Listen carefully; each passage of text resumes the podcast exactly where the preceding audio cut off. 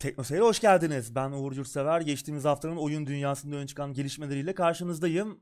Gördüğünüz gibi yalnızım bu hafta ne yazık ki. Tansel yanımda değil. Daha doğrusu hattın diğer ucunda değil. Artık belki önümüzdeki hafta bir canlı yayın yaparız Tansel'le. Gönlünüzü almaya çalışırız. Tabii canlı yayın için söz vermiyorum. Duruma bakacağız ama her halükarda Tansel haftaya burada olacak.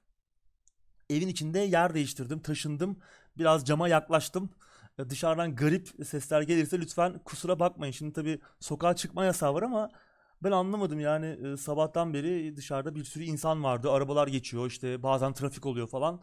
E, şimdi tabii hava karardı biraz insanlar evlerine çekildi galiba ama e, garip bir durum yani sanki sadece mahallede ben evdeymişim gibi bir hisse kapıldım. Sanki bir şey oldu da bana söylemiyorlarmış gibi bir Truman Show hissi yaşadım bugün. Öyle tabii bugün 19 Mayıs. Daha doğrusu ben bu videoyu 18 Mayıs pazartesi günü kaydediyorum ama siz 19 Mayıs'ta izleyeceksiniz. Yani Atatürk Anma Gençlik ve Spor Bayramı. Buradan da bu vesileyle bayramınızı kutlayalım. Ee, gündeme geçmeden önce anket sonuçlarımız var ama ben anketleri de haftaya bırakayım. Tansel'le beraber yorumlayalım. Yani tek başıma yorumlamayayım anket sonuçlarını. Prince of Persia'yı konuşmuştuk geçen hafta ki onunla alakalı da iki tane anketimiz vardı. Tabii geçen haftanın en büyük olayı GTA 5'in Epic Store'da ücretsiz olarak verilmesiydi. Tamam oyun endüstrisi için en önemli olay, en önemli gelişme bu değildi belki ama hiç şüphesiz en çok ses getiren, en büyük yankıyı uyandıran olayıydı haftanın. Bu ölçekte böylesine popüler, bu kadar büyük bir oyunun ücretsiz dağıtılıyor olması insanları heyecanlandırdı haliyle. Herkes Epic Store'a hücum etti. Epic Store'un sunucularına uzun süre erişilemedi. Sunucular çöktü. E, oyunu bir şekilde alıp indirmiş olanlar oyuna erişmekte zorluklar yaşadılar. Zira Rockstar'ın sunucuları da bu durumdan olumsuz etkilendi. E, artan oyuncu sayısıyla birlikte oyunun online kısmında da hilenin de çok arttığı yönünde bir takım şikayetler var. Bu da bu sürecin olumsuz yanlarından biri oldu. Tamam çünkü çok büyük bir oyun GTA 5, çok popüler. İki jenerasyona yayılan bir ömrü var ve bu ömrü boyunca 100 milyonun çok üzerinde satış başarısı yakaladı. Şu an tüm zamanların en çok satan oyunlarından biri GTA 5 e, çok sık indirime girmiyor. İndirime girdiği zaman ben açıkçası 60 liranın altına düştüğünü de hatırlamıyorum. Yani e, hala insanların istediği bir oyundu. Yani bu kadar e, ilgi olması çok da anormal değildi. Tabii bir yandan da 350 tane Epic Store hesabı açıp hepsine de GTA 5 almaya çalışan bir takım süper zeka arkadaşlar da türediler. Ya bilmiyorum ne desem boş yani. Bir şekilde bu süreçten sonra nasıl yolumuzu buluruz diye düşünüyorlar herhalde. Ee, yani oyunları satacaklar, elden çıkaracaklar bu hesapları. Öyle görünüyor. Tabii hile arttı bir yandan oyunda. İnsanların hesapları banlanacak. Yeni hesaplara, yeni oyunlara ihtiyaç duyacaklar.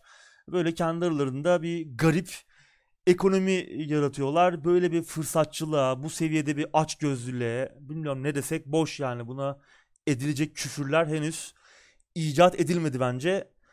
Ee, böyle tabii bu arada GTA 5'in yarattığı bu gürültü yüzünden arada kaynayan oyunlar da oldu. Arada kaynayan fırsatlar da oldu. Mesela Ubisoft şu an son iki Assassin's Creed oyunu dünyasında işte kombattır, görevdir bu tarz baskılar olmadan gezip dolaşıp etrafı keşfedebileceğimiz Discovery Tour serisini ücretsiz veriyor 21 Mayıs'a kadar Uplay'den girip alabiliyorsunuz. Yani Assassin's Creed Origins ve e, Odyssey dünyasında size dolaşma imkanı, oraları keşfetme imkanı sunuyor. Muhteşem bir fırsatla bence kesin girip alın derim.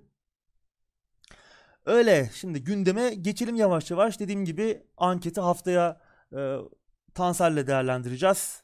Yine ben bir anket bulurum bu hafta artık bir sürü anket konuşuruz ama anket demişken bu haftaki ilk haberi bir anket, bir oylama. Disco Elysium için Türkçe dil desteği oylaması. Şimdi defalarca konuştuk zaten gündemlerde. Benim için geçen yılın en iyi oyunuydu. 2000'li yılların en iyi rol yapma oyunlarından biri. Gerek e, dünya yaratımı, gerek zengin, derin anlatımı, gerek rol yapma öğeleriyle muhteşem bir oyun Disco Elysium. E, oyunun Estonyalı geliştiricisi Zaum da geçen hafta bir anket düzenledi. Oyuna eklenecek yeni dil seçeneğinin hangisi olsun dediler ve görünüşe bakılırsa bir sonraki dil seçeneği Türkçe olacak gibi. Zira e, ikinci sıradaki Polonya'ya yani Lehçe'ye yaklaşık 10 bin oy en son baktığımda bu seviyedeydi 10 bin oy kadar fark atmış durumdayız. Yani zaten bizim bileğimizi anketlerde henüz bükebilen biri olmadı. Ben kaybettiğimiz bir anket hatırlamıyorum. Bizim atasporumuz gibi bir şey oldu. Bir nevi her anket, her uluslararası anket bizim için bir milli mücadeleye dönüşüyor. Gidiyoruz, kazanıyoruz ve geliyoruz. Tabii umarım e, Zaum bu oyların satışlara binde bir, o da en iyi ihtimalle binde bir oranında yansıyacağının farkındadır.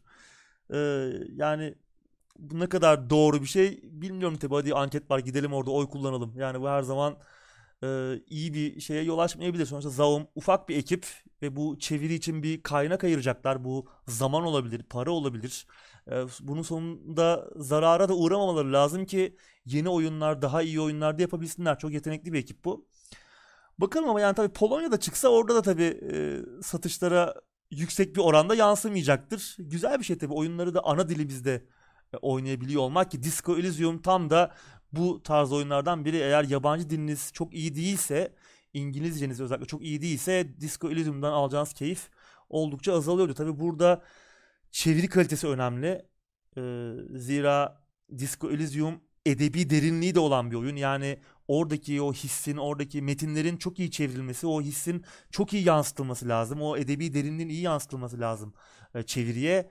Bu ne kadar başarılabilecek bilmiyorum. Gördüğüm kadarıyla, anladığım kadarıyla e, Zaum bir e, fanlardan oluşan bir bağımsız bir e, ekip toplayacak. Yani profesyonel bir çeviri de olmayacak gibi görünüyor. Bilmiyorum umarım güzel bir çeviri olur. Umarım herkes oyundan keyif alır. Çünkü tamam niş bir oyun. Rol yapma oyunları zaten genel olarak e, niş bir janrı ama bunun da içinde Disco Elysium tarzı çok okumaya dayanan oyunlar da e, çok fazla insan hitap etmiyor. Bu şekilde belki kitlesini de genişletebilir Türkiye'de çünkü herkesin deneyimlemesi gereken muhteşem bir oyundu bu ama e, yani biliyoruz ki oyun satışları çok da artmayacak. Umarım artar. Bakalım yeni haberler de gelirse yine paylaşmaya devam ederiz. Bir sonraki haberimize geçelim. Haftanın en önemli haberi.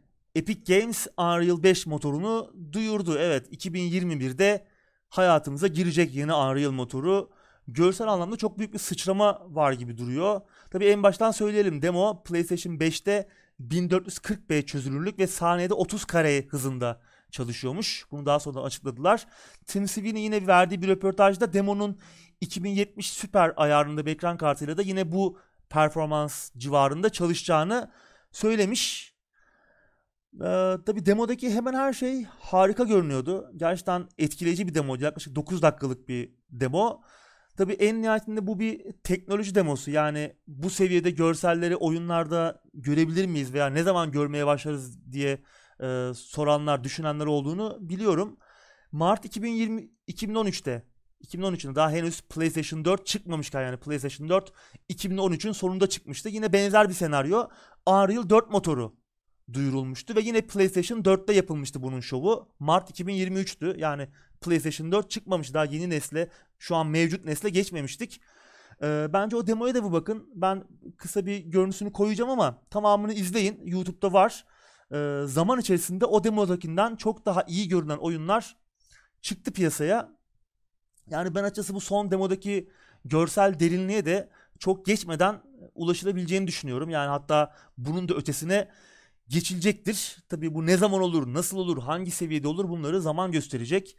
Ee, tabii önemli konu bu yeni motor, yeni oyun motoru oyunları, yeni oynanış fikirleri, yeni tasarım felsefeleri konusunda ileri götürecek mi? Şu an bunları söylemek için çok erken bunları bilemiyoruz. Bugünlerde oyun endüstrisi remake'lerle ve biliyorsunuz remaster'larla falan uğraşıyor. Yani yeni oyun fikirleri, yeni e, oyun e, düşünceleri, yeni tasarım yaklaşımları yeşerecek gibi pek durmuyor ama işte bu yeni oyun motoru belki bunu buna vesile olur. Ama günün sonunda görsel açıdan büyük bir sıçrama olduğu kesin. Peki neler gördük bu demoda? Her şeyden önce piksel seviyesinde poligon hesabıyla ve geometri işleriyle uğraşacak mikro poligon teknolojisi Nanite'ı gösterdiler. Tek sahnede milyarlarca poligon işleyebiliyor bu teknoloji sayesinde Unreal 5 motoru neredeyse sınırsız bir poligon bütçesi demek bu. Yani milyarlarca poligondan bahsediyorum tek bir sahnede. Muazzam bir şey ki bu demoda da oyun seviyesinde yani oyunlarda gördüğümüz kalitede dokulardan ziyade Hollywood filmlerinde kullanılan kalitede dokular kullanılmış ki bunların da işlenebildiğini gösterdiler gerçek zamanlı olarak.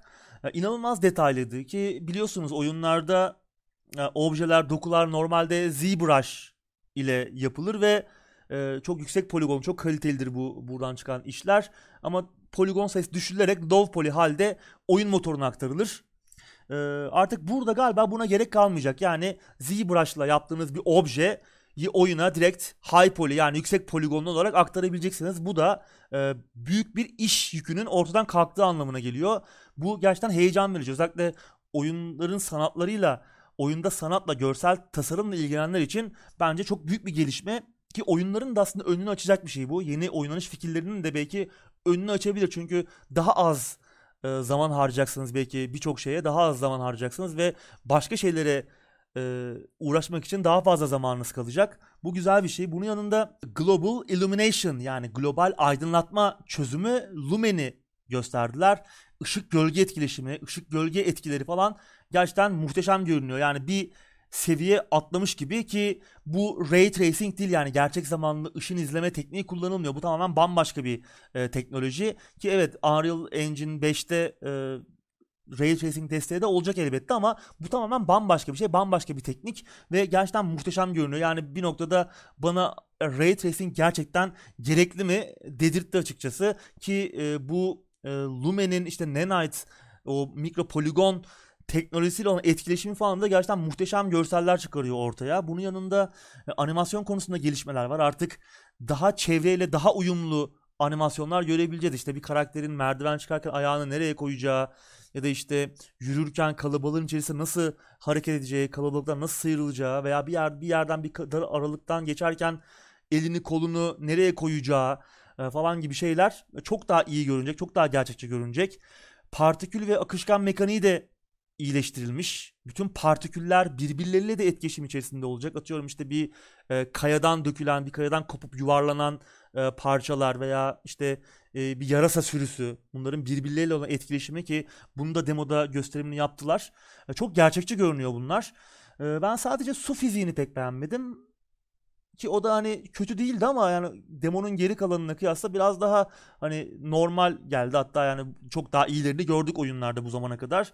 Ama onun dışında gerçekten muhteşemdi. Ee, gerçekten heyecan vericiydi. Ki ses konusu sadece görsel anlamında değil ses konusunda da iyileştirmeler olacak.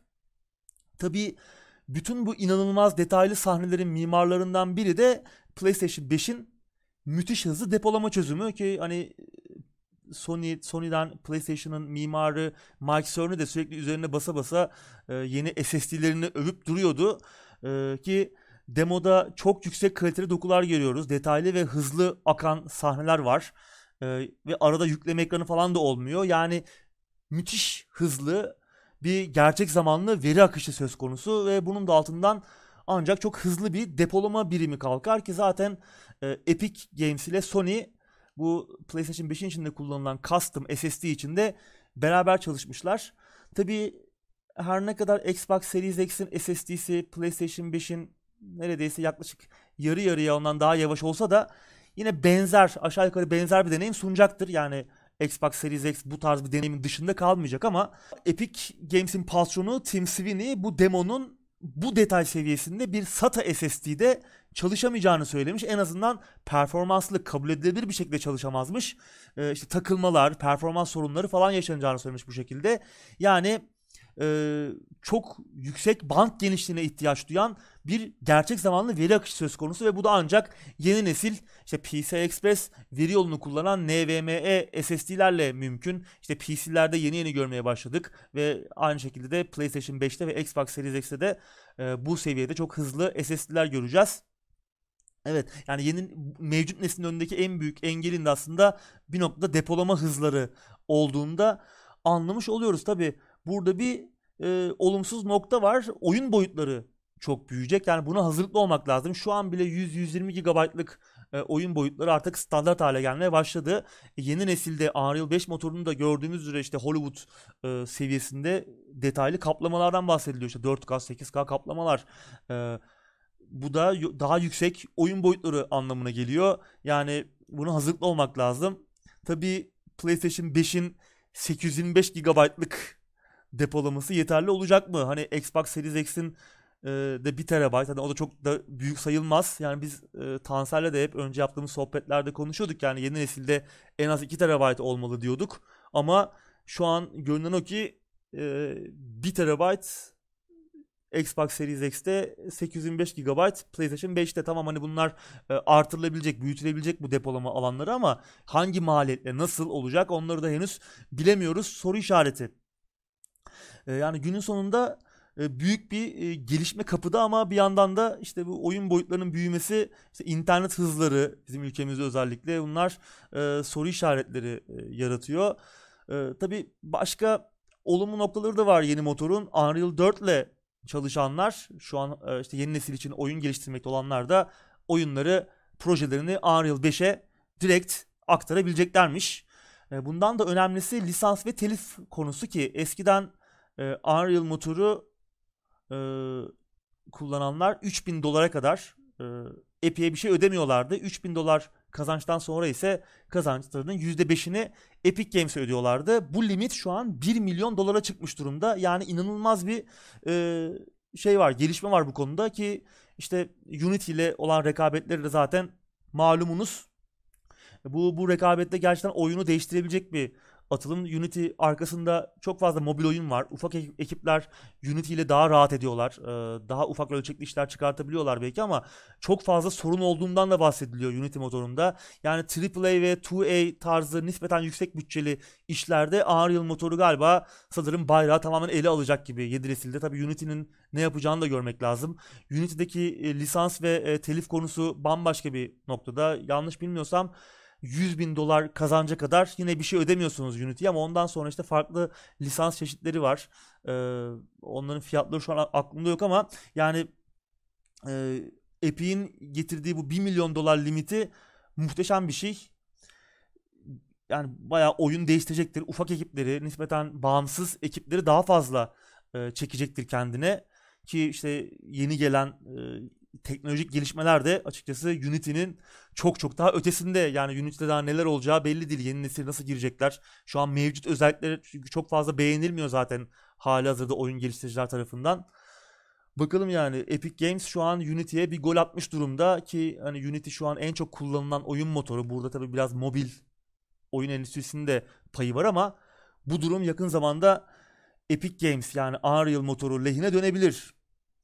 Böyle yani önümüz aydınlık gibi görünüyor görsel açıdan ama işte en başta söylediğim gibi yeni oynanış fikirleri, yeni tasarım felsefeleri ne olacak? Ee, oyun endüstrisi içine girdiği bu kısır döngüden, yaratıcılık anlamında, yeni oynanış fikirleri anlamında, yeni oynanış mekanikleri anlamındaki kısır döngüden çıkabilecek mi? Yeni Unreal motoru ve yeni diğer motorlar, yeni nesil, yeni donanımlar bunların önünü açacak mı? Bunları görmek istiyoruz. Geçen hafta da yine e, Tansel'le konuşmuştuk. E, işte ekonominin en basit kuralı azalan faydalar kanunu. Yani PlayStation 2 döneminden beri 6. nesilden sonra e, bu sıçrayış çok daha azaldı. Artık daha az yeni fikir görmeye başladık. Hani bugün bile hala birçok oyun aslında 6. nesilde hayatımıza girmiş. O zamanlar yeşermiş oyun fikirlerini kullanıyor. Yenilerini görecek miyiz? Daha farklı işlerle karşılaşacak mıyız? Bakalım umarım görürüz, görmek istiyoruz. Hep bunu konuşuyoruz zaten. Artık remake, remaster, birbirine benzeyen oyunlar görmek istemiyoruz ki bir sonraki haberimizde bununla alakalı Mafya'nın yeniden yapımı duyuruldu. İkinci ve üçüncü oyunlarda elden geçiyor. Şimdi geçen hafta Tansel'le konuşmuştuk. Ee, Mafya'nın Twitter hesabında böyle bir hareketlilik vardı. Yıllar sonra bir paylaşım yapmışlardı. Ee, ki bundan birkaç ay önce de ikinci ve üçüncü oyunun remaster edildiği ile alakalı söylentiler vardı. Bu umarım bu gerçek olmaz diyorduk. Hatta bundan da birkaç yıl önce ilk mafya oyununun yeniden yapıldığı söylentiler ortaya çıkmıştı. Hatta ortaya birkaç tane ekran görüntüsü sızmıştı. Yok ya bu gerçek değildir falan demişlerdi. Ama görünüşe bakılırsa mafyanın yeniden yapımı gerçekmiş.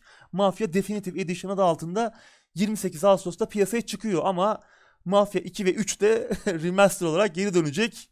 Ee, vallahi hatta Mafya 2 önümüzdeki hafta birkaç gün içerisinde çıkacakmış. Yani Mafya 1'den önce çıkacak. Tabii bu bir remaster. Çok fazla üzerine çalışılması gerekmiyor. Ee, şu an çok fazla detay yok. 19 Mayıs'ta yani belki siz bu videoyu izlerken e, daha fazla detay gelmiş olacak. Belki e, fiyatlar belli olacak. Ön sipariş şey açılacak e, şeyler şu an henüz belli değil. Platformlar belli olacak. E, tabii ben çektiğim videoyu çektiğim anda bunlar belli değildi. E, artık bunu haftaya konuşuruz neler gördük ekran görüntüleri var Mafya 1'den şu an. Onları ben koyarım. Ee, güzel görünüyor ama şöyle bir e, olumsuz durum var. üçüncü oyunu geliştiren Hangar 18 yapıyormuş Mafya'nın yeniden yapımını. Yani burada bazı soru işaretleri ortaya çıkıyor. Özellikle tamam ekran görüntüleri çok güzel görünüyor ama acaba işte Mafya 1'in o e, doyurucu e, silah kullanımı, doyurucu araç sürüş, sürüşü falan iyi aktarılabilecek mi? Çünkü Mafya 3'ün de en kötü tarafı buydu. Çatışma mekanikleri ve araç sürüşü çok kötüydü bu yandan. Açık dünya çok kötüydü.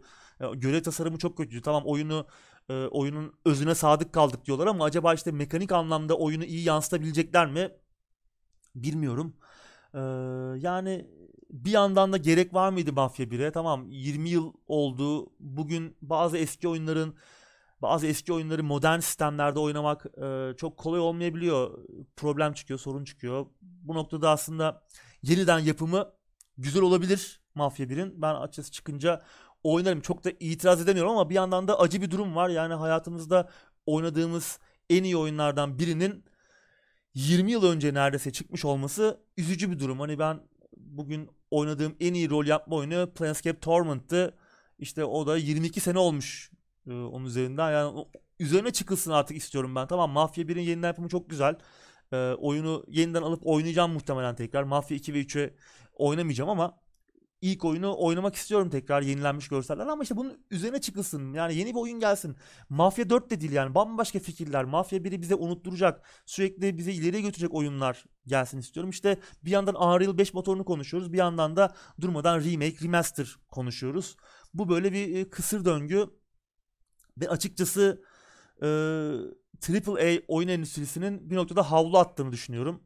Yani artık biz bu kalitede oyunlar yapamıyoruz böyle güzel görevler tasarlayamıyoruz. Bu kadar iyi hikayeler yazamıyoruz. Yeni oynanış fikirleri bulamıyoruz. Bu yüzden de e, eski oyunları yeniden yapıp önünüze koyuyoruz. Bilmiyorum bana biraz böyle geliyor. Bu bir itiraf. Bu bir havlu atma gibi geliyor bana. Umarım işte yeni nesilde bu biraz değişir.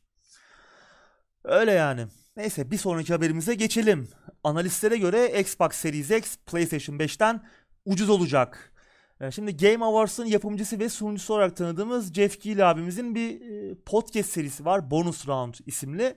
Bu podcast serisinin son bölümüne oyun endüstrisini yakından tanıdığı analistlerden Michael Pachter ve Liverpool Futbol Kulübü'nün CEO'su yani icra kurulu başkanı Peter Moore konuk olmuş. Peter Moore aslında tamam bugün bir futbol kulübünün başında ama kendisi bir dönem Electronic Arts'ın ikinci adamıydı. Yani oyun endüstrisinin aslında yakından tanıdığı veteran isimlerden biri e, Peter Moore.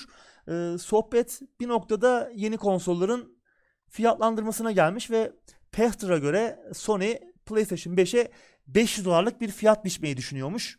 Ki geçtiğimiz haftalarda e, ortaya çıkan bir söylenti vardı. Sony'nin PlayStation 5'in 450 dolarlık maliyetini düşürmekte zorlandığı konuşuluyordu ki bu aslında çok boş bir söylenti değil. Bloomberg'in bir haberiydi. Bloomberg'in bir raporuydu. Yani e, asılsız da bir söylenti olduğunu düşünmüyorum ben. Yani işte ondan sonra da hep konuşmuştuk zaten. Bu fiyatın biraz üzerinde 3 aşağı 5 yukarı bu civarda olacağını yeni konsolun. Yani 500 dolarlık bir fiyat aslında mantıksız gelmiyor kulağa. E, Microsoft cephesi ise işte Sony'nin önünü kesmek için hem de 10 milyonluk satışa hızlı erişebilmek için 100 dolarlık bir fiyat kırmaya gidebilir diyor Michael Pachter. Eh çok mantıksız değil. E, çünkü e, mevcut jenerasyonda da Sony aslında Microsoft'a 100 dolarlık bir gol atmıştı. Tamam Xbox One'ın e, Kinect'le çıkıyor olması konsolun maliyetini biraz yükseltiyordu. Burada Microsoft'un bir stratejik hatası vardı ama e, PlayStation 5 biraz daha ucuz çıkmıştı piyasaya. E, benzer bir şeyi Microsoft'un yapmak istediğini söylüyor yani Michael Pachter. Ve ve Microsoft'un şu an Sony'nin hamlesini beklediğini e, düşünüyor. Kasım ayında kesin bir çıkış tarihi ve fiyatlandırma göreceğiz diyor ve Xbox Series X için de 400 dolarlık bir fiyat bekliyormuş kendisi. Peter Moore ise büyük oranda Pechter'ın söylediklerine katılmış ve hatta konuyu biraz daha derinleştiriyor. Ee, yeni konsolların fiyatlandırmasında her iki şirketin de ilk 12-18 aylık zaman zarfında ne kadar zarar etmeyi göze alabileceğinin belirleyici olacağını söylüyor. Yani en fazla zarar etmeyi göze alabilen konsolu daha ucuza çıkarabilecek demeye getiriyor. Bunun yanında tabii konsol sattıracak oyunların hazırlık durumu, diğer işte hizmetlerin, yazılımların hazırlık durumu, bunun yanında şirketlerin yıl yıl ne yapmak istedikleri yani yıllık planları falan da belirleyici olacak diyor. Ayrıca şu an Microsoft'un hisse değeri anlamında daha da, daha avantajlı olduğunu e, dile getirmiş ve bir fiyat kırma stratejisini de Microsoft'un daha kolay karşılayabileceğini söylüyor. Tabi e, Satya Nadella ne düşünüyor bilmiyoruz bu konuda ama e, Peter Moore'a göre Xbox Series X'i daha ucuza çıkararak bir avantaj yakalamak isteyebileceğini söylüyor ama bu noktada tabii hissedarlar bir engel olabilir. E, çünkü genelde hissedarları bu tarz riskler almaya ikna etmek çok kolay değil. Bu noktada da Satya Nadella'nın, Microsoft'un CEO'su Satya Nadella'nın önünde bir engel var gibi görünüyor. Ee, aslında bana da çok mantıksız gelmedi. Ee, Microsoft'un biraz daha fiyat kırma politikası izlemesi. Ee, çünkü hali hazırda zaten kullanıcı tabanı olarak e, PlayStation Sony cephesi çok büyük fark atmış durumda. Yani bu nesilde iki katı aştığı söyleniyor satışlar. E bu noktada tabii geri uyumluluktan bahsediyoruz. Yani yeni konsollar geriye de uyumlu olacak. Yani PlayStation 5 aslında fiyatı ne olursa olsun bir adım daha önde başlayacak gibi görünüyor. E, çünkü halihazırda bugün bir PlayStation 4'ünüz varsa sizin için daha e, akıllıca olan şey PlayStation 5'e geçmek olacaktır. Çünkü PlayStation 4 oyunlarınızın büyük bir kısmını 5'te de oynayabileceksiniz ama e, işte bu noktada Xbox'ın Microsoft'un sizi cezbetmesi lazım yeni hizmetlerle ki işte Game Pass gibi bir güzellikleri var zaten ama aynı zamanda da uygun bir fiyatlandırmayla cezbetmesi lazım. Ee, bu yüzden mantıklı geliyor. Ee, yeni nesilde işler kızışacak tabi bugün tabii koronavirüs salgınıyla baş başayız. Hani önümüzü göremiyoruz. Belki de konsollar hiç çıkmayacak. Ee, tamam bugün işte geçtiğimiz hafta bir haber vardı. Microsoft konsolun e, seri üretimine başlamış. E, muhtemelen Sony de benzer seviyede ilerliyordur ama e, tamam üretildi konsollar ama bunlar satış kanallarına nasıl iletilecek? Kullanıcıyla oyuncularla nasıl buluşacak? İnsanlar e, bu ekonomik durgunluk döneminde sadece ülkemizden bahsetmiyorum. Dünyada da bir ekonomik durgunluğa doğru ilerliyoruz. Biz hani zaten e, koronavirüs salgını öncesinde de zaten çok e, iyi durumda değildik. E, yani ekonomik anlamda dövizin sürekli yükselmesi, e, satın alma gücümüz düşüyor. Bu tarz ürünleri, teknolojik ürünlere ulaşmakta zorlanıyoruz. Ama dünyada da bir ekonomik durgunluğa doğru gidiliyor. Neler olacak bilmiyorum. Şu anda konuşmak için çok erken ama işte iki değerli analistin, iki değerli insanın e, yorumları bu şekilde Xbox Series X'in daha ucuza çıkabileceğini söylüyor. Gerçi Michael Pachter e, son yıllarda biraz fazla işkembeden sallıyordu. Yani söylediği şeylerin çoğu tutmuyordu ama burada aslında biraz da e, mantıklı yerlerden ilerlemiş. Yani olabilir. Daha ucuz bir konsol görebiliriz ki %15, %20 daha da hızlı olacağını görebiliyoruz Xbox Series X'in kağıt üzerinde en azından. E, oyunlarda nasıl bir şey göreceğiz onu henüz bilemiyoruz ama e, bu noktada biraz da uygun fiyatla daha ucuz çıkarsa e, bu e, PlayStation 5'in bir adım önde başlama durumunu eşitliğe çevirebilir kafaları karıştırabilir yani PlayStation kullanıcılarının da kafasını karıştırabilir. Ben açıkçası fiyatların açıklanmasını bekliyorum. Tamam bizim için erişmek yine çok kolay olmayacak. Kara kara düşünce de işte zaten geçtiğimiz haftalarda konuşmuştuk. Yeni vergiler var e, konsollara gelmiş. İşte %50 e, yeni gümrük vergisiyle tanıştık. Tamam düşecek deniyor. Yeni konsollar %20 e, gümrük vergisiyle mi gelecek? Acaba yoksa o %50 gümrük vergisi süreci uzatılacak mı bir daha geri dönmemek koşuluyla e, bunları zaman gösterecek. Ben çok iyimser olamıyorum kendi açımızdan ama yine uzaktan takip etmeye çalışacağız. Ee, en kötü ihtimalle diyorum ve bir sonraki habere geçiyorum fazla da uzatmadan. Sony birinci parti oyunlarını PlayStation Studios altında topluyor.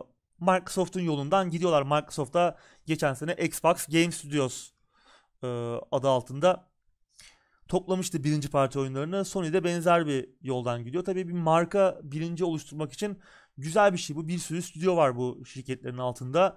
Onların ortaya çıkardığı oyunların daha böyle bir derli toplu bir şemsiye altında toplanması güzel.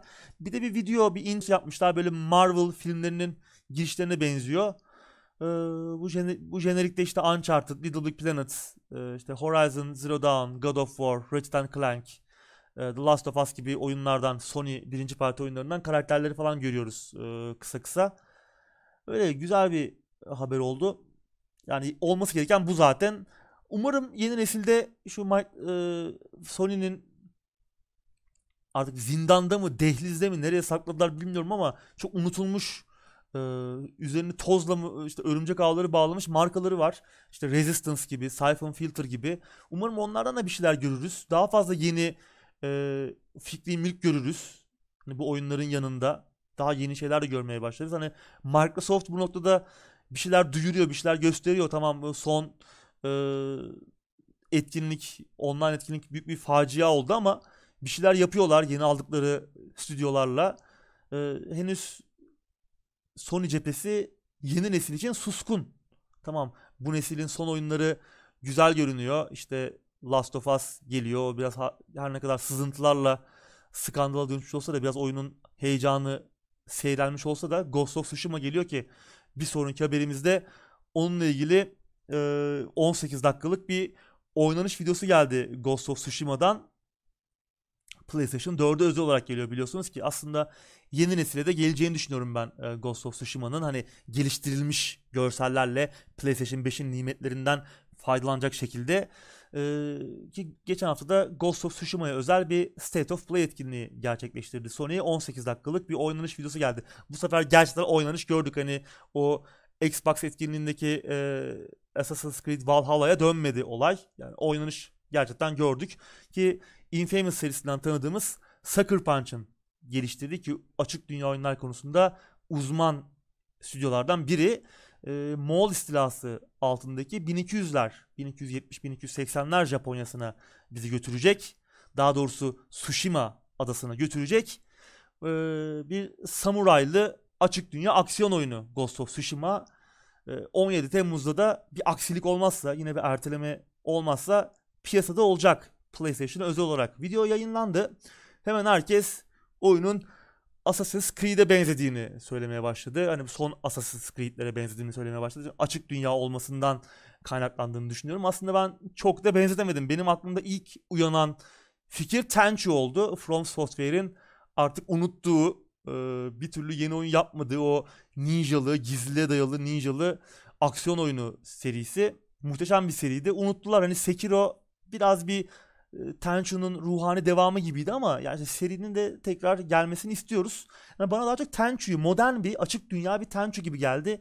Hani Assassin's Creed zaten çok özgün bir oyun değil. Hani yani bir oyunu Assassin's Creed'e benzetmek zaten çok sağlıklı bir yaklaşım değil. Ben genel olarak zaten oyunları birbirine benzetmeyi çok sağlıklı bulmuyorum. Bunu çok sevmiyorum. Yani bu bizi bir yere götürmüyor. Çünkü her oyunun aslında farklı bir hissi olabilir. Tabii ki birbirine benzeyen, birbirini kopyalayan oyunlar yok mu? Var. Özellikle bu dönemde iyice bunun ayyuka çıktığını görüyoruz ama e, bence burada bir Assassin's Creed benzerliği çok yok yani açık dünya olmasının dışında ve işte suikast karak karakterin böyle gizli gidiyor olması dışında ki Assassin's Creed de yani kendisinden başka bütün gizliliğe dayalı oyunlara benziyor. Hatta illa bir, bir şeyleri bir şeyleri benzeteceksek, bir oyunu bir oyuna benzeteceksek Assassin's Creed için de Tenchu'yla Prince of Persia'nın gayrimeşru çocuğu diyebiliriz yani. Tamamen bu iki oyunun aslında çakması bir bakıma eğer e, her oyun birbirine bir şekilde benzeyecekse. Ama o da kendi hissini, kendi tarzını yaratabilmiş bir oyun. Bakalım Ghost of Tsushima ne yapacak? Bana pek de burada e, Assassin's Creed'e benziyormuş gibi gelmedi. Bana bir Tenchu özlemini hatırlattı. Bir Tenchu oyun istediğimi hatırladım bunu görünce. Muhtemelen Tenchu kadar da hardcore, o kadar zor bir oyun olmayacak Ghost of Tsushima. Daha işte herkesin oynayabileceği, e, daha erişilebilir bir deneyim olacak. Onun dışında gördüğüm bir başka eleştiri oyunun ortamlarının biraz fazla rüzgarlı e, olmasıydı. E, hem bunu Teknoseyir Sosyal'de gördüm hem de bazı videoların altında, yorumların altında gördüm. Bazı e, insanların yorumladığını gördüm. Yani ortamlar rüzgarlı olmasıyla alakalı. Çok ağır eleştiri olmasa da ya niye bu kadar rüzgar var gibi e, serzenişler duydum. E, şimdi hani tamam rüzgarın oyunlara kattığı dramatik etkiyi ayrıca konuşuruz ki yani Ghost of Tsushima'da bir siyah beyaz mod da olacak ya muhteşem görünüyor. İşte o etraftaki her şeyin hareketliliğiyle doğanın o hareketliliğiyle bir araya gelince bir Akira Kurosawa filmi e, şey hissi yarattı bende. Yani o işte bir yedi samuray izliyormuş gibi oldum böyle zaman zaman. Ve tabii ki bu rüzgarın oyunlara kattığı veya işte filmlere kattığı dramatik hissi bir kenara bırakıyorum. Japon adaları zaten hani konumları gereği rüzgarlı yerler ki e, Tsushima'da e, Moğol Kağan'ı, Moğol hükümdarı Kubilay Han'ın Kore'yi işgal ettikten sonra başladığı Japon istilasında ilk e, istila ettiği iki adadan biri e, Tsushima ki oyunda burada geçiyor. Ki günün sonunda zaten Japonya'nın Moğol egemenliğine e, girmemiş olmasının da tek nedeni aslında bu rüzgarlar. Zira bir noktada bu aşırı rüzgarlar tayfunlara, fırtınalara dönüşüyor ve e, işgalci donanmasını, Moğol donanmasını, Moğol kuvvetlerini denizde ve karada e, tabiri caizse yok ediyor. E, ki hani Japonların aslında başka sarılacak bir şey de kalmamış durumda. Tamam Japonların işte muhteşem, güçlü, e, onurlu samurayları var. Bunlar muazzam savaşçılar ama e, yani Moğol ordusu da bir kişiye karşı 20 kişi saldıran böyle e, arı sürüsü gibi o davullar eşliğinde organize saldırılar yapan düzenli bir ordu ve açıkçası e, işte bu birebir savaşalım abi biz onurluyuz diyen o muhteşem muazzam samurayların e, çok da bir şanslı kalmıyor böyle manyakça savaşan bir ordu karşısında. Ki günün sonunda Japonların da geriye kalan tek silahı tanrıların ettikleri dualar oluyor ve işte şiddetli rüzgarlar, tayfunlar, fırtınalar falan derken bir noktada duaların kabul gördüğüne inanıyorlar. Ee, Moğollar da ya bu adamlar galiba gerçekten doğaüstü güçlere sahip deyip e, bu, bu gerçek yani Japonya'yı istila etmekten vazgeçiyorlar. Hani spoiler verdiğimi falan düşünmeyin. Bu hani tarihte böyle olmuş yani Japon Japonya'nın istilası bu şekilde sonlanmış. Yoksa hani e, Moğol ordusunun önünde durabilecek bir Japon ordusundan bahsetmek mümkün değil. Ki aslında Ghost of Tsushima'yı da bu kadar güzel, bu kadar değerli, etkileyici bir şey, bir fikir yapan da bu aslında. Yani kas gücüyle, e, bilek gücüyle kazanılması imkansız bir savaşın içinde olmak. E, oyun bize bunu e, yaşatıyor ki aslında e, bir anekdot daha paylaşayım. E, Japonların işte kendilerini kurtaran bu rüzgarlara e, Japonlar kamikaze ismini veriyor. Yani kutsal rüzgarlar. Ki işte daha sonra da bu kamikazenin e, başka bir şey dönüştüğünü gördük. İkinci Dünya Savaşı'nda falan bu kullanımını. E, kamikaze ismi de işte buradan geliyor. Ha sonuç olarak evet yani Ghost of Tsushima'da ortamlar rüzgarlı çok da güzel görünüyor ama hala The Witcher 3'teki kadar rüzgarlı değil. Orada hatırlarsanız yani insanların saçları evin içinde falan uçuşuyordu. Böyle ağaçlar havale geçiriyormuş gibi işte sağa sola yatıyordu falan yani e, o seviyede de bir şeyden bahsedilmiyor. Ben o dönemde mesela e, Witcher 3'ün çok rüzgarlı olduğu konusunda bir eleştiri görmemiştim. E, öyle yani tamam yine tarih dersine çevirmeden oyuna geçelim. E, oyunda güzel ben beğendim oyunu ki zaten beklediğimiz oyunlardan biri. Tansel de çok bekliyor. E, bizim bu yıl e, PlayStation cephesinde en çok beklediğimiz oyun. 18 dakikalık dolu dolu oynanış videosu boyunca da hem oyunun keşif hissi, bir yandan dövüş sistemi, işte gizlilik mekanikleri, fotoğraf modu ve işte ana karakterimiz Jin Sakai'yi özelleştirebileceğimiz çeşitli zırh çeşitleriyle veya işte tılsımlarla ona farklı teknikler kazandıracak tılsımlarla e, özelleştirebileceğimiz sistemleri e, tanıdık. Ki aslında oyunun getirdiği güzel bir taraf bu açık dünya keşfi konusunda. Sucker Punch'in yaklaşımını beğendim ben. Oyunda geleneksel anlamda bir waypoint sistemi yok. Yani bizi görevlere götüren, ekranda bize göreve giden yolu tarif eden, elimizden tutup işte bir e, yola sokan e, ya da ne bileyim işte çizgiler, ekrana çizgiler çizen işte mini map'ler, işte ok, bize yolu gösteren oklar falan yok. Oyunda yolumuzu böyle belli belirsiz hafifçe esen rüzgarlar sayesinde buluyoruz. Gitmemiz gereken yere o rüzgarları takip ederek gidiyoruz. Hatta bazen işte ne bileyim bir e, minik sevimli bir tilkinin peşine takılarak ya da bir kuşu takip ederek e, enteresan yerlere gidebiliyoruz. Farklı şeyler keşfedebiliyoruz. Ben bu keşif hissini çok organik, e, çok e, immersive, çok oyun dünyasında hissedebileceğimiz tarzda bir şey olarak görüyorum. Yani ki bu burada güzel bir yaklaşım bu. Çok organik yani son yıllarda gördüğüm en, en organik keşif hissi diyebilirim. Şimdi hani Assassin's Creed'e benzetiyoruz ama Assassin's Creed'de keşif hissi yani haritayı açıp orada soru işaretini tıklayıp onu soru işaretinin gösterdiği yöne doğru gitmekten ibaret. Ee, burada çok daha farklı bir keşif hissi. Hatta biraz bana RDR2'yi hatırlattı. Tamam orada da işte waypoint sistemi var. Bize hani GPS kullanıyormuş gibi bize yolu çizen bir sistem var minimap'te gösteren ama yine ekranda e, görsel e, işaretleri takip ederek, e, görsel ipuçlarını takip ederek gittiğimiz e, ortamları keşfettiğimiz şeyler de vardır RDR2'de. Burada da biraz ona benziyor. Hatta burada bir adım daha ileri gidiyor. Ben o yüzden çok beğendim. Yani e- eğer videoda söylenenler e, doğru olursa yani keşif hissi bize merak uyandıran bir keşif hissi anlamlı içerikle dolu bir keşif hissi olursa bence bugüne kadar oynadığımız en organik en immersive en orada oldu o, o, o dünyada olma hissini yaratan keşif hissi olduğunu söyleyebilirim. Burada dövüş sistemini de gösterdiler. Gayet iyi görünüyor, doyurucu görünüyor. Bayağı tok. Swordplay'i beğendim. Mesela işte Assassin's Creed karşılaştırılıyor. Ondan daha doyurucu görünüyor. Daha e, momentumu daha hissedebiliyorsunuz gibi. Tabii de oynamak lazım ama videodan gördüğüm kadarıyla bunu söyleyebilirim. Tabii bayağı kanlı, vahşi e, dövüş sahneleriyle karşılaşıyoruz. E, ama sanki e, kalabalık sekanslarda düşman dayak yemek için sırasını bekliyormuş gibi geldi bana. Bu biraz rahatsız edici. Yani yapay zeka konusunda biraz iyileştirmeye gitmeleri lazım. Tamam belki ki genelde bu tarz videoları düşük zorluk seviyesinde kaydediyorlar. Belki onunla alakalı bir durumdur bilmiyorum ama bunun biraz daha maskelenmesi gerekiyor. Assassin's Creed serisi ilk oyunlarda bunu hiç maskeleyemiyordu, hiç beceremiyordu ama işte en son işte Origins, ondan sonra Odyssey ile geldiği noktada artık iyice hani o düşmanın sırasını bekleme şeyini maskeliyor. Hatta çoğu zaman düşman sırasını da beklemiyor. Üzerinize saldırıyorlar. Burada da biraz onu görmek isterdim. Ee, umarım elden geçirirler. Daha zamanları var. Tabii bir bölgeyi düşmandan temizlerken olaylara farklı açılardan da yaklaşmak mümkün olacak. Tabii şimdi biz samurayız. Samuraylar da hani ön kapıdan kapıyı vurup içeri girer.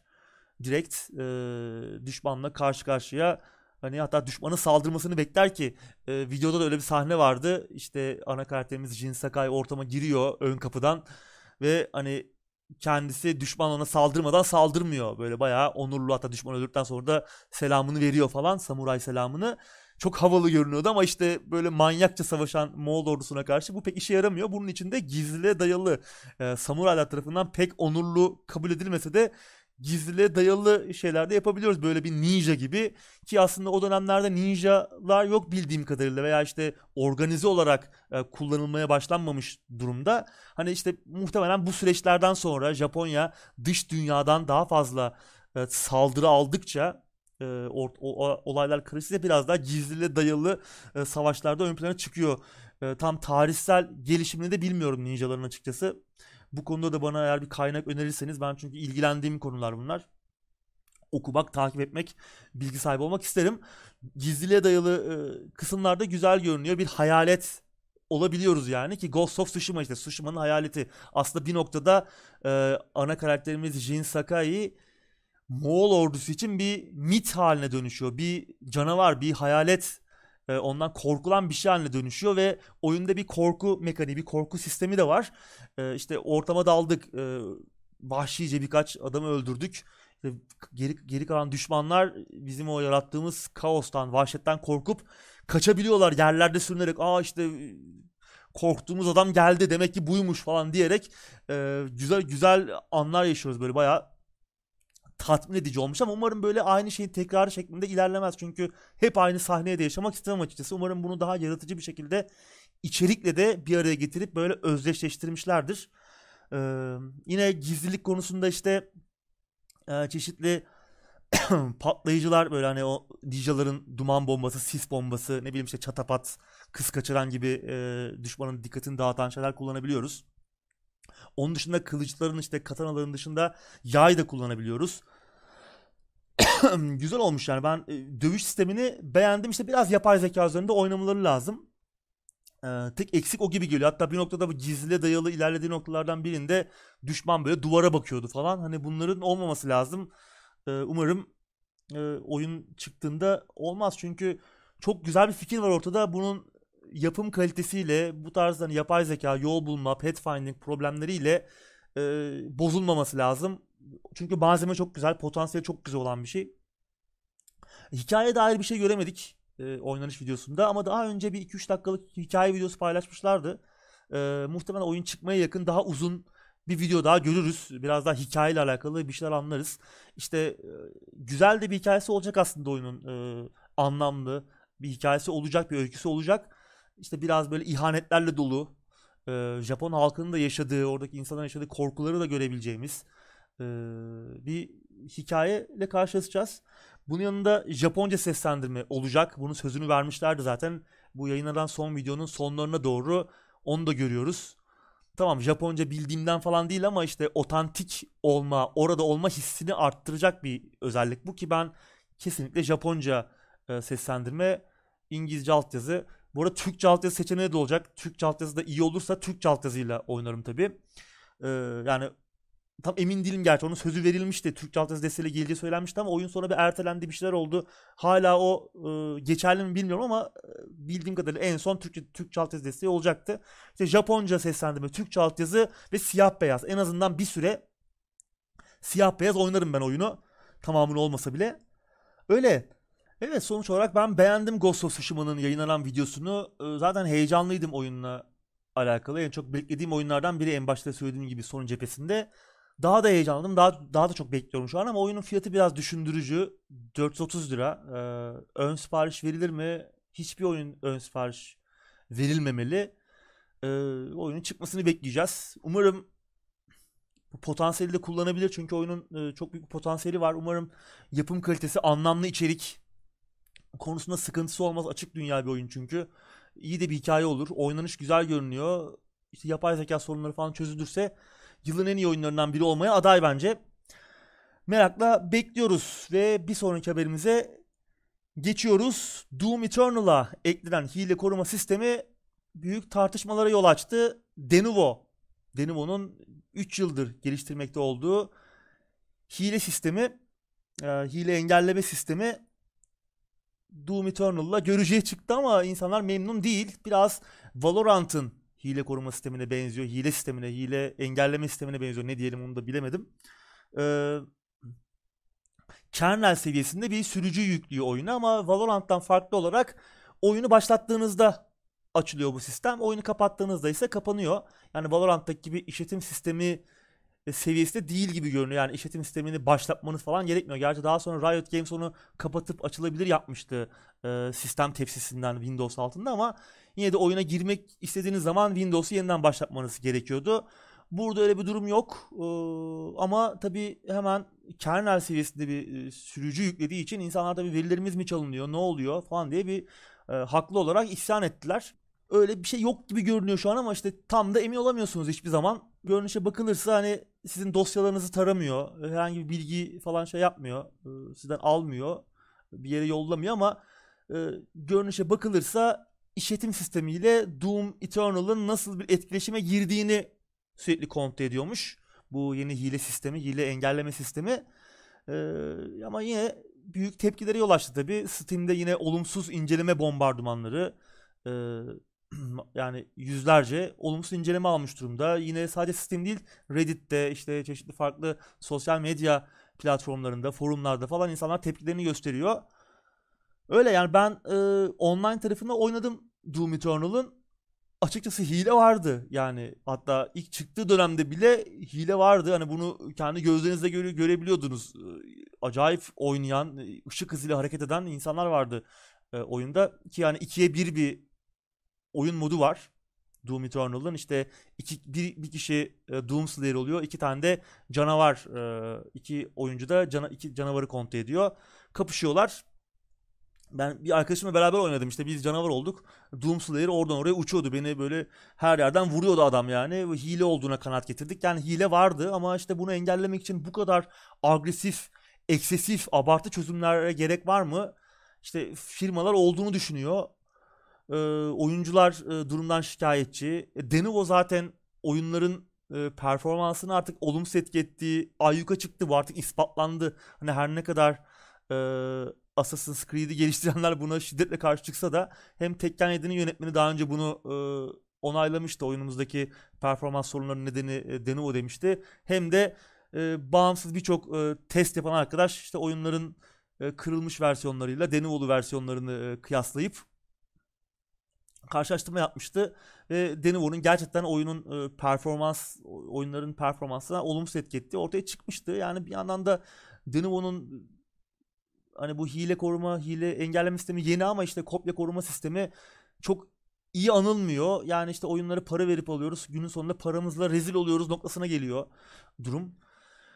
O yüzden ne desek boş. Aşağı yüksek sakal, yukarı yüksek bıyık gibi bende bolca var. Ama bir anlamda da eğer bu oyunları oynayacaksak mecburuz hani en iyi şey eğer gerçekten güvenmiyorsanız, bilgisayarınızı atom parçalıyorsanız veya çok gizli proje yürütüyorsanız ve bu verilerin çalınması, çalınmasından korkuyorsanız ya da gizli işler çeviriyorsanız bence tabii kendinizi garanti altına almakta fayda var. En doğru yol bu tarz oyunları oynamayın. Gerçekten e, işkilleniyorsanız, korkuyorsanız daha da başka bir şey diyemeyeceğim. Bir sonraki haberimize geçelim. Ubisoft'un E3'ün yerine yapacağı online etkinliğin tarihi belli oldu. 12 Temmuz. 12 Temmuz'da Ubisoft kendi etkinliğini yapacak online etkinliğini. E3 iptal herkes kendi etkinliğini yapıyor biliyorsunuz. Ne olabilir bu etkinlikte neler gelebilir neler duyurulabilir muhtemelen Assassin's Creed Valhalla'dan bir şeyler göreceğiz. Bu sefer muhtemelen daha fazla oynanış görüntüsü gerçek oynanış görüntüsü göreceğiz. Tabii Ubisoft'un yapım aşamasında olan oyunları var. Bunların bir kısmı ertelenmişti. Bir kısmını bekliyoruz. Bir kısmından e, uzun zamandır ses seda çıkmıyor. İşte Beyond Good and Evil 2 var. Çok bekliyoruz yıllardır. Skull and Bones var. Ertelendi. E, şu an durumunu bilmiyoruz. İki kere ertelendi. Üç kere mi ertelendi? Ee, Watch Dogs Legion yine ertelenmişti. Bu yılın sonlarına çıkacaktı. Galiba 2021'in e, ilk çeyreğine ertelenmişti. Ee, Rainbow Six, Rainbow Six Quarantine var. And Monsters var. Bayağı bir oyun var yapım aşamasında Ubisoft tarafında. Bunun yanında işte beklediğimiz oyunlar var Ubisoft'tan. Hani bunlardan bir şeyler görebiliriz belki ama bir de beklediğimiz yani duyurusu yapılsın istediğimiz oyunlar var. İşte geçen hafta konuştuğumuz Prince of Persia var. Ee, 2010 son oyun ki unutuldu yani Assassin's Creed'e daldı ve gitti Ubisoft. Ee, Prince of Persia'yı unuttu. Ee, Splinter Cell var ki bu dönemde şu an gerçekten kaliteli bir gizliliğe dayalı aksiyon oyunu bir stealth action ihtiyacı var ki Splinter Cell bu türün en iyi örneklerinden biri. Bir duyuru gelsin istiyoruz artık. 2 E3'tür. E3 2018, E3 2019. Tansel'le e, değerlendirmiştik. İkisinde de beklentilerimiz olmadı. Umarım bugün bu bu sene bu etkinlikte bir şeyler duyarız yani. Bir şey gösterin artık ki geçen hafta Prince of Persia 6.com'u almışlardı, kaydetmişlerdi bu alan adını. Yeni bir oyun mu geliyor diye konuşmuştuk. Bakalım umarım doğru çıkar. Yani umarım bir Far Cry duyurulmaz. Yani çok fazla oldu. Yani biraz bir 3-5 sene bir ara verseler. Belki Blood Dragon olabilir. Blood Dragon çok farklı bir oyundu. Ona ona benzer bir şey neden olmasın ama illa Far Cry isminde mi olmak zorunda? Hayır. Ve Blood Dragon 2 gibi bir şey. E, hayır demem. O tarz bir e, böyle old school retro esintiler olan böyle 80'ler müzikleriyle böyle farklı bir sanat tasarımda olan bir FPS'ye bir first person shooter'a hayır demem. Ama Far Cry hayır istemiyorum artık. Diyorum ve sonraki habere geçiyorum. Funcom, Rebellion, Larian ve Zaum gibi stüdyolar Haziran ayında bir online etkinlik için güçlerini birleştiriyor. Ki bunların yanında hani 11 bit e, This For Of Mine'dan tanıdığımız Coffee Stain, e, bu Ghost Simulator'ın geliştiricisi ki Humble Publishing gibi isimler de var. Yani bayağı önemli bağımsız stüdyolar bir arada bir etkinlik yapacaklar. 6 Haziran'da neler görebiliriz? E, Funcom ve Rebellion yeni bir şeyler duyurabilir. Larian'dan daha fazla Baldur's Gate 3 detayı gelebilir. Belki yeni bir video gelebilir. Belki Divinity evreniyle alakalı bir şeyler. Belki Original Sin 2'ye yeni bir sürpriz bir içerik falan yayınlarlar. Zaum Disco Elysium'un geliştiricisi Estonyalı geliştiricisi gündemin başında konuşmuştuk. Yeni içerikler gelebilir Disco Elysium için ki bir genişleme paketi veya bir DLC üzerine çalışacaklarını veya çalışmak istedikleriyle alakalı bir haber bir şey konuştuğumuzu hatırlıyorum ben aylar önce. Belki onunla alakalı bir şey gelir. Bekliyoruz yani. Güzel bir etkinlik olacak. Evdeyiz zaten. izleriz. Hatta e, yine 6 Haziran'da PC Gamer'ın da PC Gaming etkinliği olacak. E3'te yapıyorlardı sürekli. Onu bu sene yine online mecraya taşıyorlar. Aynı şekilde yine 6 Haziran'da Paradox'un bir etkinliği olacak. Bunlar hep arka arkaya yayın, yayınlanacaklar. Böyle güzel bir 6 Haziran geçireceğiz gibi görünüyor. Öyle bekliyoruz yani evdeyiz izleyeceğiz. Bir sonraki haberimize geçiyorum. Elder Scrolls 6 hakkında bir şeyler öğrenmek için yıllarca beklememiz gerekecek gibi. Evet duyurdular oyunu E3 2018'de böyle 30 saniyelik tırışka bir e, teaserla muhtemelen bir gün önce yapmışlardı o teaser'ı. Starfield da aynı şekilde. Sonra bir şey yok. Yani bekliyoruz. Hiçbir bilgi yok. Yani oyunu duyuruyorsun. Oyun yapılıyor mu, yapılmıyor mu, ne yapılıyor? Hani nedir? Nerede geçeceği belli değil Elder Scrolls 6'nın. Tabii Pete Hines'a da doğal olarak insanlar ıı, darlıyorlar Bethesda'dan. Pete Hines abimizi. E, ne oldu ne oldu oyun bir şey yok mu bir bilgi yok mu oyunla alakalı diye abimiz de biraz sinirlenmiş ya bana ne kadar sorarsanız sorun. Bu değişmeyecek yani. Yıllar sürebilir bir şeyler duymanız. Elder Scrolls 6'dan daha Starfield var diyor. Yani evet daha Starfield var gerçekten. Elder Scrolls 6'dan önce Starfield çıkacak ama e, Starfield'dan da bir şey göremedik. Yani 20 saniyelik bir teaser gösterdiniz 2 sene önce. Bir şey yok. Oyunun ne olduğunu bile bilmiyoruz yani. Ne, ne, ne çıkacak, nasıl bir şey. Hiçbir bilgi yok yani. Bunlar yeni nesile çıkacak zaten. Yani önümüzdeki yıl belki bir şeyler görürüz ama abi duyuruyorsun E3 2018'de 2 yıl olmuş. E, üzerinde bir şey konuşmuyorsun. Ya Elder Scrolls 6'nın dediğim gibi ne zaman nerede geçeceği belli değil. Hangi kıtaya nereye gidiyoruz? Belli değil. Zamanında konuştuk işte uzun uzun. Şuraya mı gitsek buraya mı gitsek ben artık ilgilenmiyorum yani. E, Pete Tannes'ı zaten hiç sevmiyorum. İyice sıtkım sıyrıldı yani milleti işte bozuyor sosyal medyada. Ya abi duyurmasaydınız abi o zaman oyunu yani. Ben zaten bunu anlamış değilim ya. Oyunu duyurup unutmak yani böyle yıllar önce duyurmak yani işte yapın bir şeyler gösterin tamam. Oyun geliştirme süreçleri artık kısa değil. Yani 5 sene 6 sene sürebiliyor. Üzerine çok uğraşmak gerekiyor tamam. Ama bir şey de gösterin. Yani işte God of War'da 5 sene sürdü ama adamlar her sene bir şey gösterdiler. Oyunun nasıl geliştiğini, nasıl ileriye gittiğini gördük. Burada bir şey yok yani. Ne oyunla alakalı detay yok. Bir şey görmeyi bırak. Bir şey de duyamıyoruz. Yani Starfield gelecek daha düşün. Hani Elder Scrolls'dan önce Starfield var. Bakalım. Umarım çıkar. Yani umarım çıkar ya da artık ben çok da beklemiyorum ama sevenleri için bir Bethesda haberiydi böylece. Bir sonraki haberimize geçiyoruz. Crusader Kings 3'ün çıkış tarihi belli oldu. Evet Paradox'un ihanetle ve taht kavgalarıyla bezeli, dolu, tarihi grand strateji oyunu Crusader Kings 1 Eylül'de geliyor. Ön siparişi açıldı 77 lira. Fiyat çok iyi. Yani 50 dolar yanlış bilmiyorsam yurt dışı fiyatı veya 40 en ihtimalle 40'tır. Ama 77 lira müthiş ama şimdi e, Paradox'un DLC politikasını düşünce tabii bir tüyler ürperiyor. Yani Crusader Kings çıkalı 8 sene oldu. 2012 yılında çıkmıştı ve bu aradan geçen 8 sene boyunca tabii ki oyunu çok iyi desteklediler. Ücretsiz içerikler de geldi ama DLC inanılmaz çok DLC yayınladılar. Hani 70 e, lirayı veriyorsunuz. Hani bir oyun alıyorsunuz üzerine 5 oyun daha alıyormuşsunuz gibi bir DLC e, politikası var Paradox'un. Bu uzun soluklu bir oyun ya yapmak için aslında çok da kötü değilmiş gibi görünüyor ama artık Paradox oyunlarının hayranlarından da tepkiler, çatlak sesler yükselmeye başladı. Kimse memnun değil. Ee, tabii Crusader Kings serisinin bir de topluluk boyutu var. Müthiş topluluk modları yapılıyor. Crusader Kings 3'te de mod camiasına özel önem vereceklerini söylemişlerdi. Tabii yani her açıdan uzun ömürlü bir oyun olacak. Hem mod hem topluluk açısından hem topluluk içerikleri açısından hem de Paradox'un DLC satma politikası açısından hazırlıklı olmak lazım. Ve tabii yani bu tarz oyunları oynayanlar da genelde e, Grand Strateji oyunları çünkü çok vakit alan oyunlar. Yani yüzlerce saat bile az diyebiliriz. Yani birkaç bin saati gömenler var. İşte Europa Universalist'tir, işte Crusader Kings serisidir. Bunlar e, çok detaylı, çok büyük ve çok uzun saatler süren çok şey oyunlar. Detaylı, derin oyunlar. Paradox da bunu biraz kullanıyor sanki yani. işte zaten bu oyunu alan belki sadece bunu alıyordur. Ya da işte bir de yanına iki oyun daha alıyordur. Bundan yani çok fazla oyun almıyordur zaten. Onun için biz de biraz bunları sömürelim. İşte 80 tane DLC çıkaralım diyorlar. İşte umarım işte Crusader Kings çıktığı zaman içi içinden bazı içerikler alınmış, tırtıklanmış, çıkarılmış gibi durmaz. Hani tam bir oyun gibi durur. İnsanlar öyle bir hisse kapılmazlar yani. Yani bu oyun eksik çıkmış hissine kapılmazlar.